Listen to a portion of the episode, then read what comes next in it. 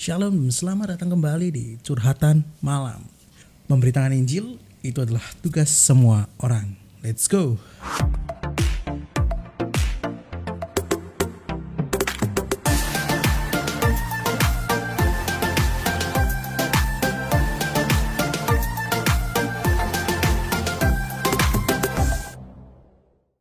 Curhatan malam hari ini kita berbicara tentang melangkah ke mana. Seringkali kita ngalamin di posisi nggak tahu harus ngapain lagi. Mau marah juga nggak bisa, mau berharap juga nggak terjadi apa-apa. Banyak loh orang yang kegiatannya datang ke Tuhan, tapi sebenarnya hatinya biasa aja. Ya cuman karena formalitas, oh ya disuruh sama si A, disuruh sama si B aku yakin semua orang pasti pernah ngalamin mungkin di titik Tuhan tidak menjawab, Tuhan tidak memberikan satu progres, Tuhan tidak melihatkan satu tanda tanda kutip kehidupan kayak gitu dalam hidup kita, dalam siapa apa yang kita kerjakan, bahkan mungkin kita sampai di titik hampir depres, karena mungkin bahkan lihat HP aja takut kayak gitu. Bingung ngambil keputusan apa karena bahkan mental pun sudah terganggu. Tanda kutip mengganggu bukan gila tapi terganggu adalah benar-benar sangat tertekan. Kayak gitu. Bahkan kalau kita tahu bahwa perasaan ini nggak cuma pada di kita doang kayak gitu. Dan itu sudah terjadi pada saat perjanjian lama itu kalian sendiri tahu Daud kayak gitu. Daud ketika dia dikejar-kejar Saul yang mau dibunuh satu langkah salah aja mati. Dia ngalamin loh yang namanya depresi berat dia ngalamin yang namanya tekanan yang berat. Padahal dia itu di jalan Tuhan loh. Masih tanda kutip dia itu mengikuti apa yang Tuhan mau. Kayak gitu. Hidupnya ikuti Tuhan meskipun gak ada yang perfect. Kayak gitu. Tapi maksudnya arahnya ke sana. Dia benar-benar dekat sama Tuhan. Tapi kenapa dia selalu ngalamin goncangan mental goncangan kehidupan gak mari-mari gak selesai-selesai? Jawabannya so simple karena kita masih di bawah matahari. Jadi orang Kristen itu bukan kebal akan masalah, kebal akan semua tekanan, enggak. Kita pun akan bisa ngalamin. Tapi respon dan siapa yang nolong kita itu yang menentukan kita percaya Tuhan itu enggak. Mungkin kita ngerasa bahwa mana sih katanya Tuhan menyertai. Katanya kalau kita datang dilegakan. Toh aku buktinya datang juga biasa aja. Malah aku jadikan formalitas karena aku udah kalau nggak ngelakuin kayak ngerasa dosa banget kayak gitu loh. Kayak seakan-akan kayak tambah tambah masalah kayak gitu. Ingat satu guys bahwa kita cuma diminta untuk taat. Aku yakin kalian pernah ngalamin itu, tapi percaya satu hal bahwa Daud pun juga ngalamin. Bahkan dia berkata di Mazmur 22 kan, kalian bisa baca, ke manakah, eh kenapa kau meninggalkan aku? Ya gitu. Dia juga pernah ngalamin hal yang nggak tahu lagi harus ngapain. Tapi di pasal 23 dia tahu betul, dia disadarkan betul, dia sadar betul karena dia mental berserah. Tuhan adalah gembalaku, takkan kekurangan aku. Bahkan Yesus pun juga ngalamin ketika tangannya dipaku, ketika kakinya dipaku. Dia tergantung di kayu salib sore aku bilang itu. Dia nggak bisa ngapa-ngapain lagi, dia dipermalukan banyak orang. Nafas pun nggak bisa gitu. Tapi kenapa dia tetap lakuin? Karena dia pengen tahu rasa tertekan jiwanya kayak gimana, rasa dipermalukan kayak gimana, rasa nggak ada langkah lagi mau ngapain lagi nggak bisa. Tuhan pengen tahu. Jadi kalau kita di saat seperti ini ngerasa kayak tuh Tuhan aku gak ada langkah. Bukan tambah baik tambah buruk. Percayalah di mata Tuhan ada yang buruk. Setiap apa pun yang Tuhan izinkan dalam hidup kalian, itu pasti ada maksud dan Tuhan udah berikan rencana yang terbaik buat kalian. Tuhan berkata seperti ini. Pengkhotbah 3 ayat 4. Ada waktunya untuk menangis, ada waktunya tertawa, ada waktunya meratap dan ada waktunya untuk menari. Karena kita juga harus mungkin melewati masa-masa sulit itu lembah-lembah kelam kita yang kita merasa bahwa Tuhan gak ada langkah lagi Tuhan. Seperti tiga tokoh Alkitab Sadrak Mesak dan Abednego, dia sudah nggak ada langkah lagi selain dibuang perapian. dia nggak ada lagi pilihan mau nyembah malah jauh dari Tuhan. Dia milih tetap setia kayak gitu loh. Bahkan di ujung-ujung ke, dibilang kematiannya gitu kan. Kan pada saat itu kan dia nggak tahu bahkan dia kan ditolong Tuhan kayak gitu loh.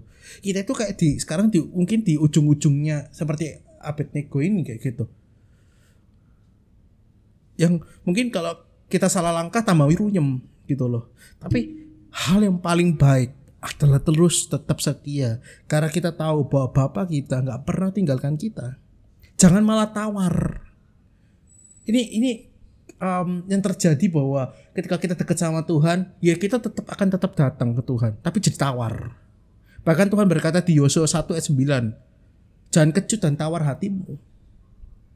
Kata-kata tawar ini kenapa harus ada karena Tuhan tidak cuma pengen kalian datang ke dia tapi benar-benar punya harapan baru, punya pengharapan. Karena percuma ketika kalian berusaha datang, tapi kalian nggak punya pengharapan, kalian nggak mau belajar berharap, kalian cuman polos, kalian ngikutin mood kalian, kalian ngikutin badan kalian, kalian nggak mau coba berharap, ya kalian akan nothing, nggak dapat apa-apa ketika kalian selesai sate. Maka kenapa ketika kalian datang, kalian pun juga ngerasa biasa aja, hampa malah kayak gitu.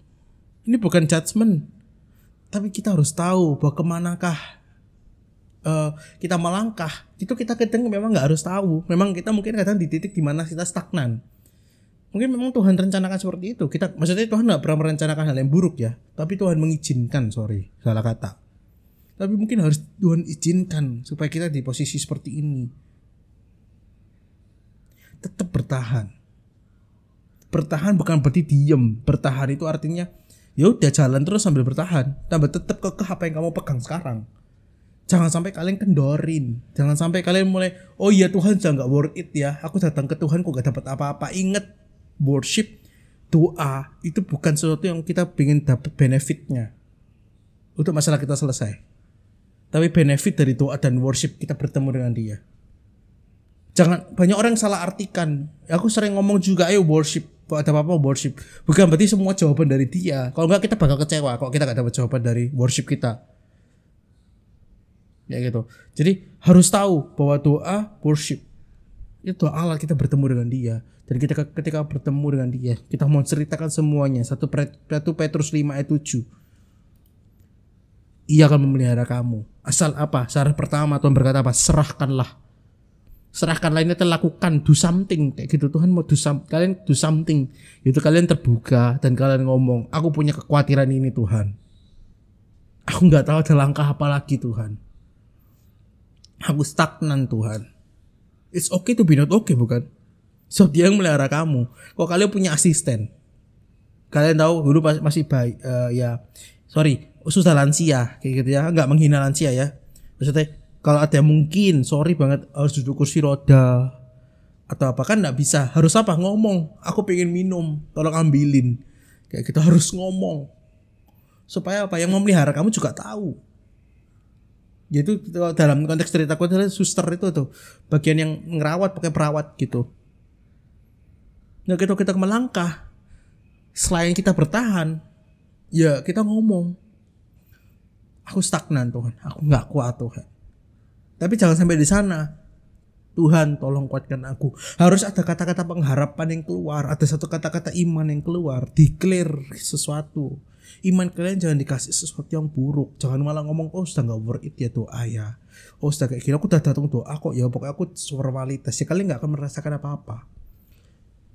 Kok kalian taatnya karena takut? Kalian nggak akan dapat apa-apa sungguhan. Kalian taat ketika kalian di titik terendah datang dengan kesungguhan hati kalian lihat jamaah dari Allah Kudus cukup untuk kalian membuat sampai finish selesai masalahmu. Karena pengkhotbah pun berkata apa? Semua Tuhan akan buat itu ada masanya. Semua yang semua yang Tuhan izinkan itu ada masanya. Dan Tuhan itu udah buat pas, udah bisa dipercepat, udah bisa diperlambat. Kayak gitu. Jadi ke mana kau harus pergi? Melangkah maju. Jangan malah mundur. Aku punya satu ilustrasi. Um, ketika kita hujan lebat, dan kita mulai buka payung, apakah hujan itu akan berhenti? Jawabannya enggak. Bisa jadi malah lebih kencang bukan? Terus apakah kita salahkan payung? Eh payung, aku sudah buka payung kok, kok gak? Aku masih masih bisa kedinginan. Ya payung. Kok aku merasa kok masih kayak gini-gini sama-sama aja. Aku udah buka payung loh. Kata orang kok buka payung aman. Gak kehujanan. Aku masih basah. Harusnya apa? Daripada kita kayak gitu, kita tetap melangkah terus pegang rat-rat payungnya supaya gak sampai di titik kita nggak basah lagi. Gitu kan? Payung itu menyertai, bukan meniadakan hujan. Gitu.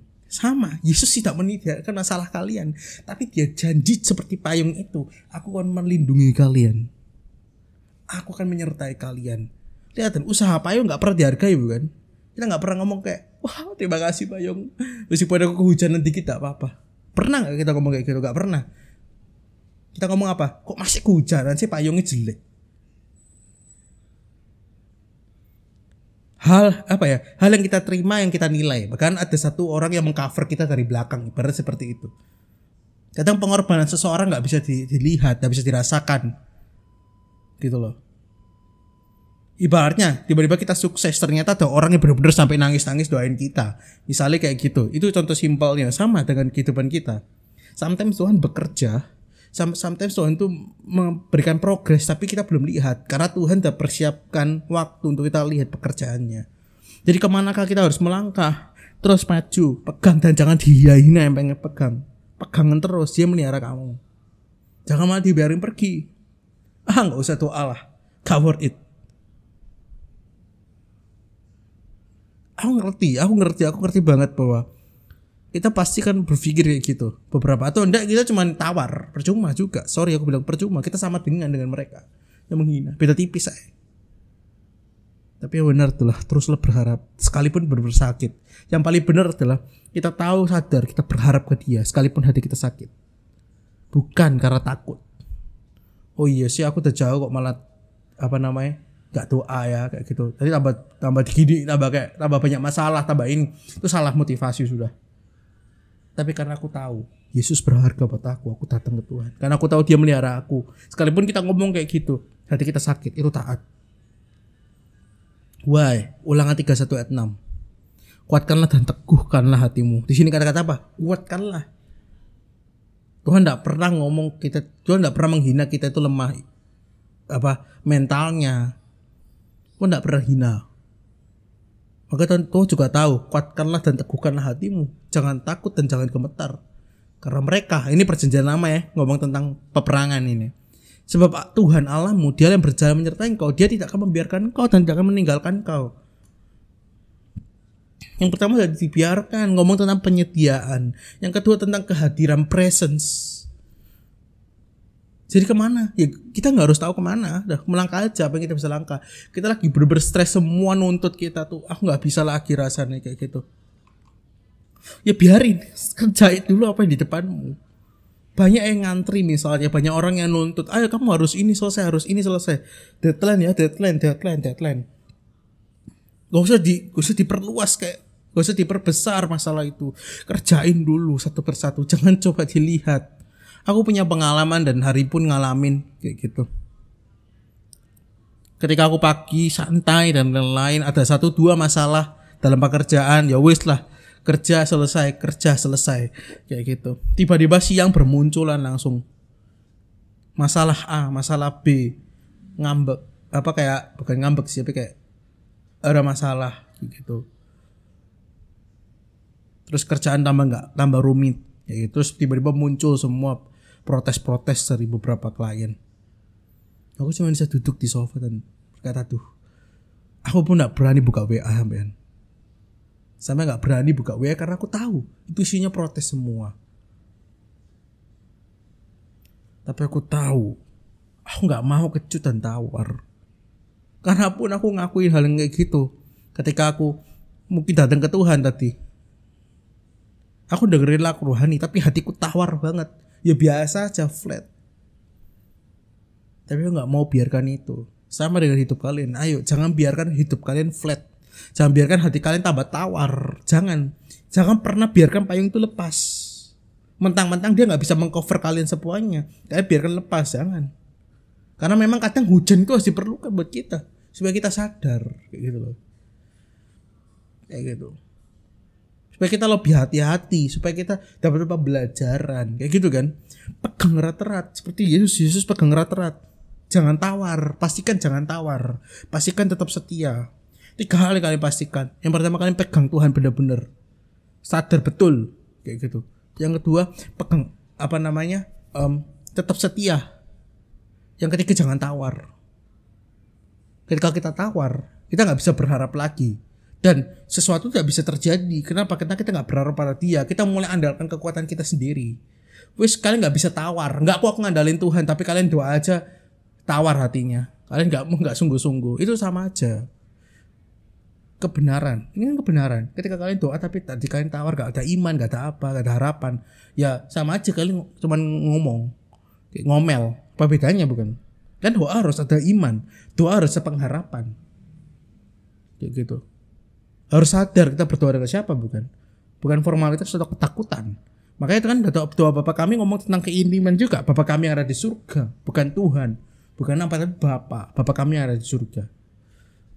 Dan kita lupa ada satu hal yang kita lupa yang kita sering ucapkan di bapak kami. Karena engkau yang punya kerajaan kuasa dan kemuliaan sampai selama lamanya kita yakin omongan itu tapi giliran kita dapat masalah kita lupa. Bahwa dia yang punya dunia ini. Dia jadiin dia jadiin bumi dengan firman. Gak disentuh, gak di gak diapa-apain. Gitu. Tuhan tahu ke mana kalian akan pergi karena dia menyertai kalian. Yang penting pegang tiga tadi. Jangan kecut, jangan tawar. Kayak gitu kan.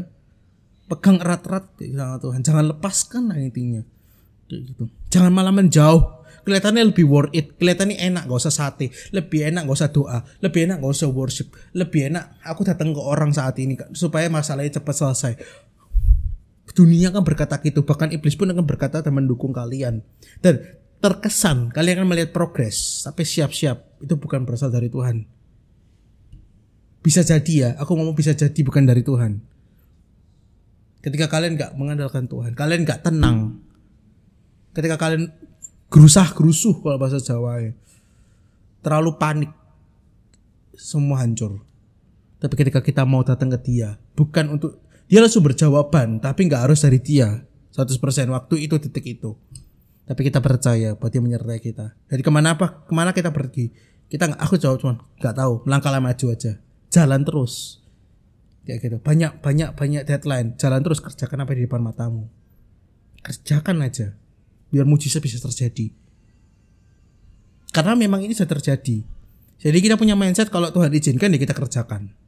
Tuhan izinkan kita kerjakan. Aku ngerti aku pun juga merasa jadi ngerasa nggak ada langkah nggak tahu kerja yang mana duluan. Tapi aku tahu aku ingat kembali yes Yesus yang punya bumi ini. Berarti semua masih di bawah kontrolnya dan Tuhan pegang. Oke? Jangan pernah takut jangan pernah tawar jangan pernah kecut yes Percayalah hal itu. Kalau sekarang hati kalian tawar, cepat mulai berharap sama Tuhan. Sadari kembali, dia yang punya. Dia yang melihara hidup kita. Dia yang sayang sama kita. Jangan tawar. Orang Kristen sekarang bukan juga bukan cuma taat yang sekarang dipermasalahkan. Gampang lain taat tapi formalitas. Apa for, definisi formalitas? Salah satunya tawar hati. Datang ke Tuhan tapi hatinya gak ke Tuhan. Datang ke Tuhan tapi dalam hati as percuma lah. Ah ya wis formalitas lah takut dimarahi si A dimarahi si B itu dimarahi Tuhan. Es pokoknya siapa cara kita tahu melangkah ke mana? Dekat sama Tuhan dia tunjukin. Kalau kita nggak deket ya apa cara kita tunjukin jalannya? Karena dia sudah tahu masa depan kita. Pegang satu dan aku ini yang aku yakini di saat kita ngalamin masalah Yesus adalah Tuhan masa depan dan masa lalu. Dan sekarang dia sudah di titik di mana masalah ini selesai. Dan percaya itu dalam nama Yesus bagaimana peran Roh Kudus dalam hidup kita menghibur dan lain-lain menolong mengajari sesuatu itu adalah stepnya. Tuhan akan tolong pasti. Asal jangan kecut tawar kalian. Eh jangan kecut jangan kecut dan tawar hati kalian.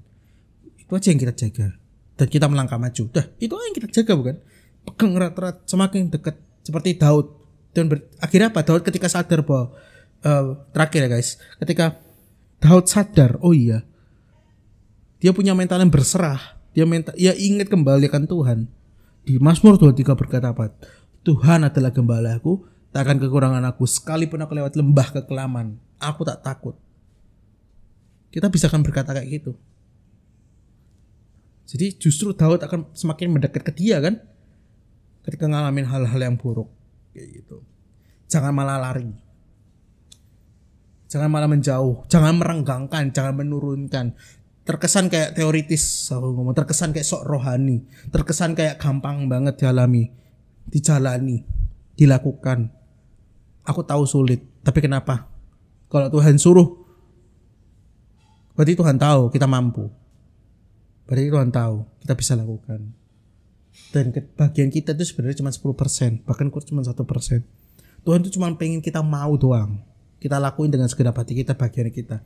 Itu cuma sepersen, sisanya Tuhan atur. Lihat di saat kita taat, di saat kita setia, di saat kita nggak tawar hati.